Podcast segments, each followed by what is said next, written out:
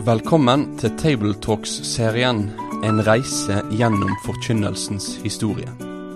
Programmet er utarbeidet av Egil Sjåstad i samarbeid med Asbjørn Kvalbein og Sunniva Fuglestveit, og vært publisert av den kristne ressurssida foross.no.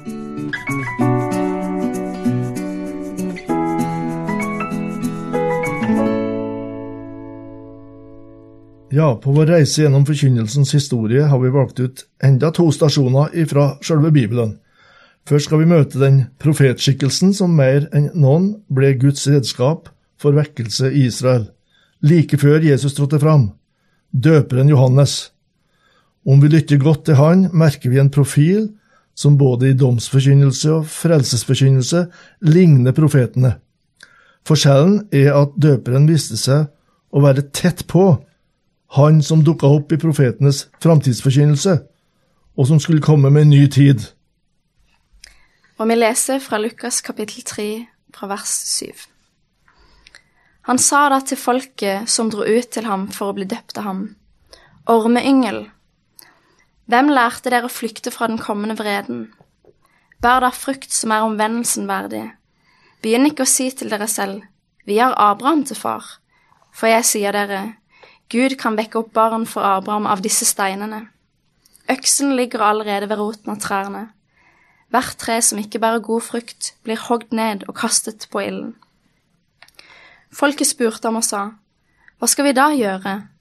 Han svarte dem og sa, Den som har to kapper, skal dele med den som har ingen, og den som har mat, skal gjøre likeså. Også noen tollere kom for å bli døpt, og de sa til han, Mester, hva skal vi gjøre?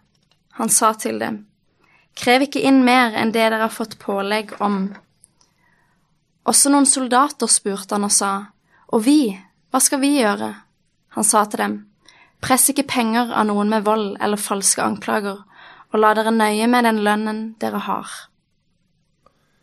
Døperens oppgave var forutsagt i GT.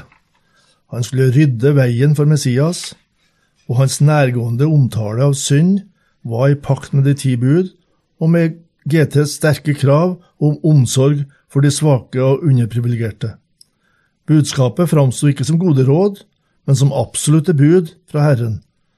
Og på profetenes vis så skildra Johannes dommen som uavvendelig hvis det ikke kom til noen omvendelse. Gud har allerede plassert øksa ved roten av treet. Johannesdåpen var en omvendelsens dåp. Her skulle synda bekjennes som synd. Liksom profetene i GT tok Johannes aldri persons anseelse. Han gikk i rette med synd og med sjølbedrag, og han konkretiserte frimodig, uavhengig av hvem som lytta. Lukas gir eksempler på dette, som vi så. Fariseerne, tollere, soldater, ingen slapp unna. Ikke engang kong Herodes Antipas kunne skjule seg og forsvare sine synder. Det leser vi om et annet sted. Døperens framtreden for kongen ble indirekte årsak til hans martyrdød, faktisk, idet kongens samboer krevde hodet hans på et fat. Matteus 14. Døperen Johannes sin ytre framtreden skulle nettopp signalisere alvoret. Selv om han gikk rett på sak, kom folk i mengdevis for å høre på han. Det var skapt en uro i folket, en lengsel, en sjølransakelse, en rystelse. De merka at døperen var Guds talerør. Mange omvendte seg og lot seg døpe. Det var vekkelse ved Jordan. Etter at Jesus kom og ble døpt av Johannes i Jordan, så fikk forkynnelsen hans en fyldigere klang, større vekt på evangeliet. Og vi leser fra Johannes 1, vers 29. Dagen etter ser han Jesus komme til seg og sier, Se der Guds lam, som bærer bort verdens synd. Det var om han jeg sa, Etter meg kommer en mann som er kommet foran meg, fordi han var før meg. Og jeg kjente han ikke, men for at han skulle åpenbares for Israel, derfor er jeg kommet og døper med vann. Johannes vitnet og sa, Jeg har sett Ånden komme ned som en due fra himmelen, og han ble over han. Jeg kjente han ikke, men han som sendte meg for å døpe med vann, han sa til meg, Ham du ser ånden komme ned og bli over, han er den som døper med Den hellige ånd. Og jeg har sett det, og jeg har vitnet at han er Guds sønn. Ja, og dette avspeiler en ny dimensjon i døperens forkynnelse. Han forsto at Jesus ikke bare var en Messias med makt og domsmyndighet, men en frelser for syndere. Forkynnelsen ble en varm proklamasjon av hvem Jesus var, hva Jesus skulle gjennomføre, og hvem Jesus var kommet for. Døperen hadde, helt fra den dagen han sto fram, klart for seg at han var en veirydder, en forløper for Jesus. Det hadde han markert allerede i sin mors liv, da han fryda seg over Jesus og sparka i mor Elisabeths mage. Da han begynte å forkynne, så beskrev han Jesus med utsagn fylt av det vi på Fjellhaug kaller høykristologi. Det betyr med begreper som understreker at Jesus er Guds sønn ifra evighet, at han er guddommelig, at han er dommeren. Han er langt større enn Johannes sjøl. Han er ovenfra, sa Johannes i kapittel 3 i Johannes evangeliet. Med andre ord så forkynte døperen at Jesus er den kommende frelseskongen, Messias. Men at denne frelseskongen var omtalt i de fire sangene om Herrens lidende tjener hos Jesaja, det gikk kanskje ikke opp for Johannes før ved Jesu dåp. For han sier på forhånd, Jeg kjente ikke ham, men Nå, etter Jesu dåp, dirrer nemlig forkynnelsen hans av glede over Jesus, for Jesus var Guds sønn, som nettopp oppfylte profetiene om den lidende tjeneren og var Guds lam, offerlammet. Den første sangen om Herrens lidende tjener utfolda seg faktisk ved Jesu dåp, da Ånden kom over Jesus, slik profeten hadde sagt, og Guds røst lød fra himmelen over Jesus med ord som presenterte Jesus som oppfyllelse av profetien. Dette er min sønn, den elskede. Og da var ikke veien lang til å erkjenne at Jesu dåp skulle være innledningen på Jesu lidelsesvei for syndere, slik denne veien skildres i den siste sangen om Herrens lidende tjener, kapittel 53.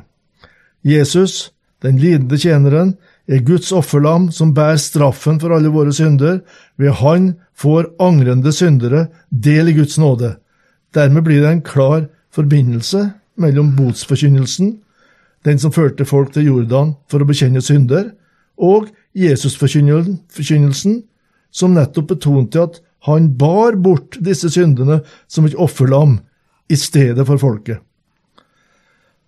I ei tid der vi med rette er opptatt med hvordan kommunisere med våre lyttere, så er beretningene om forløperen og veirydderen Johannes meget tankevekkende, syns jeg.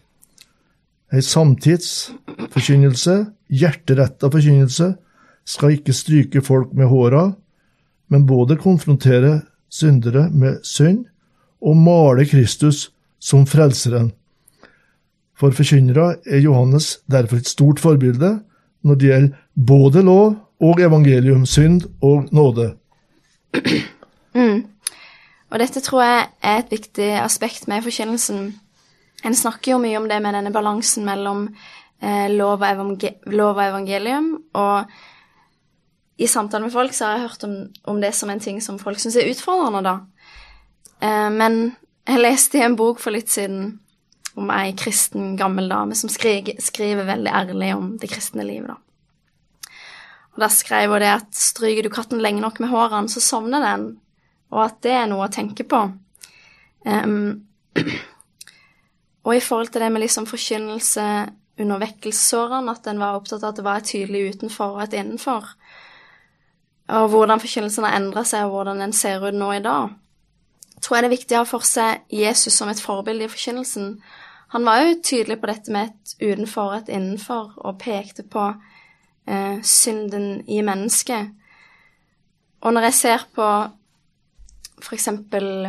kirke som en ofte forbinder med dette med herlighetsteologi og sånn, der en blir lova mye, f.eks., og der alt er veldig sånn fint og flott, så ser en at disse, dette er jo noen av de kirkene som egentlig opplever størst frafall. Og jeg tror kanskje det kan si oss noe om hva mennesket egentlig innerst inne kanskje egentlig trenger å høre dette med at det er tilgivelse for synde. Mm. Ja, Takk skal du ha, Synnøve. Og neste gang vi skal ha et eh, program, så blir det om apostlene som forkynnere. Og deretter igjen så skal vi gå inn i kirkehistorien. Takk for at du har vært med på denne reisa gjennom forkynnelsens historie. Vil du lese mer om temaet? Da kan du kontakte oss på postalfakrøllfoross.no for å bestille denne serien i bokform. Besøk òg gjerne foross.no for å finne flere aktuelle ressurser.